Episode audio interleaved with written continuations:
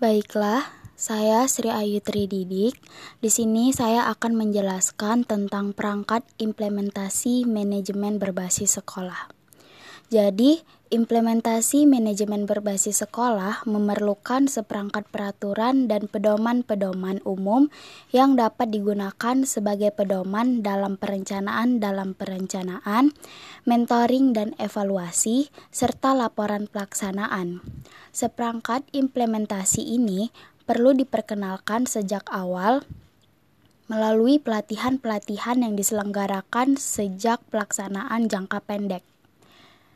Di sini saya akan menjelaskan uh, berbagai macam perangkat pelaksanaan manajemen berbasis sekolah. Yang pertama itu terdapat perangkat kesiapan sumber daya manusia terkait dengan pelaksanaan manajemen berbasis sekolah. Adapun bentuk yang bisa kita buat dalam perangkat ini yaitu yang pertama berbentuk sosialisasi, yang kedua pelatihan, dan yang ketiga uji coba. Jadi, dalam ketiga bentuk ini bisa kita lakukan program kerja yaitu yang pertama media massa melalui media massa, yang kedua diskusi dan forum ilmiah, yang ketiga pelatihan kepala sekolah, pengawas, guru dan unsur terkait lainnya. Dan yang keempat, dipilih daerah dan sekolah yang mewakili kriteria-kriteria sebagai uji coba MBS. Perangkat yang kedua yaitu melalui perangkat kategori sekolah dan daerah.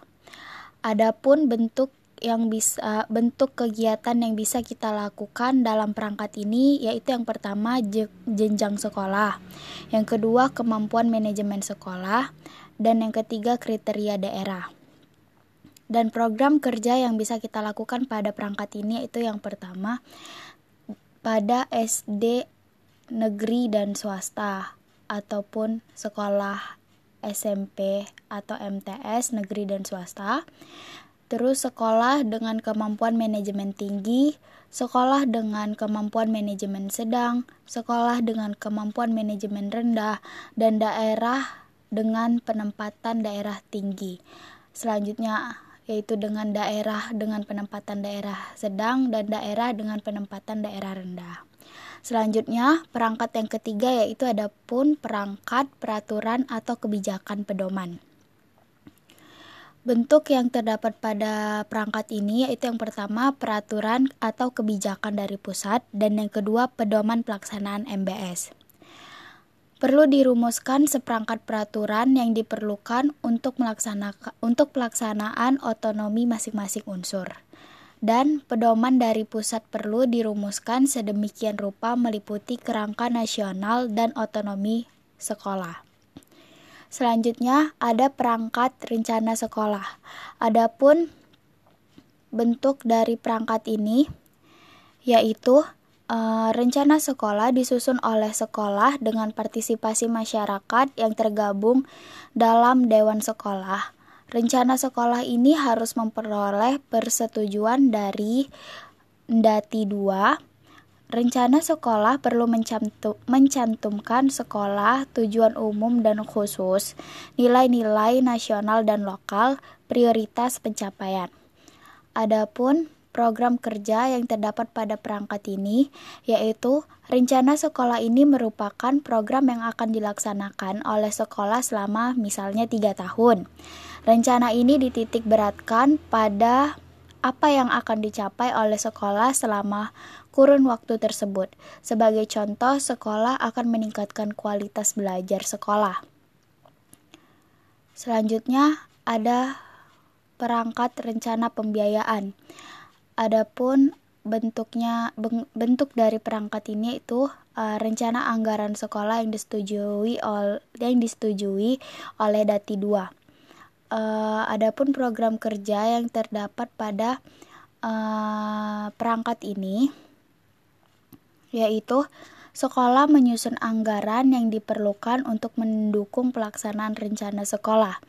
Anggaran di sini termasuk sumber-sumber dana dari pemerintah, orang tua, dan masyarakat. Semua dana yang disetujui langsung diterima ke sekolah. Selanjutnya, ada perangkat mentoring, mentoring dan evaluasi internal. Adapun bentuk dari perangkat ini yaitu mentoring dan evaluasi internal atau self assessment yang dilakukan oleh diri sendiri. Uh, adapun bentuk kegiatannya itu pengelolaan sekolah yang terjalin erat dengan masyarakat melalui melalui melakukan mentoring internal atau self assessment. Kegiatan ini menghasilkan laporan tahunan yang berisi laporan sekolah dan dewan sekolah tentang pelaksanaan kegiatan sekolah berdasar perencanaan anggaran serta kemajuan yang dicapai selama tahun yang bersangkutan. Dan selanjutnya ada perangkat mentoring dan evaluasi eksternal.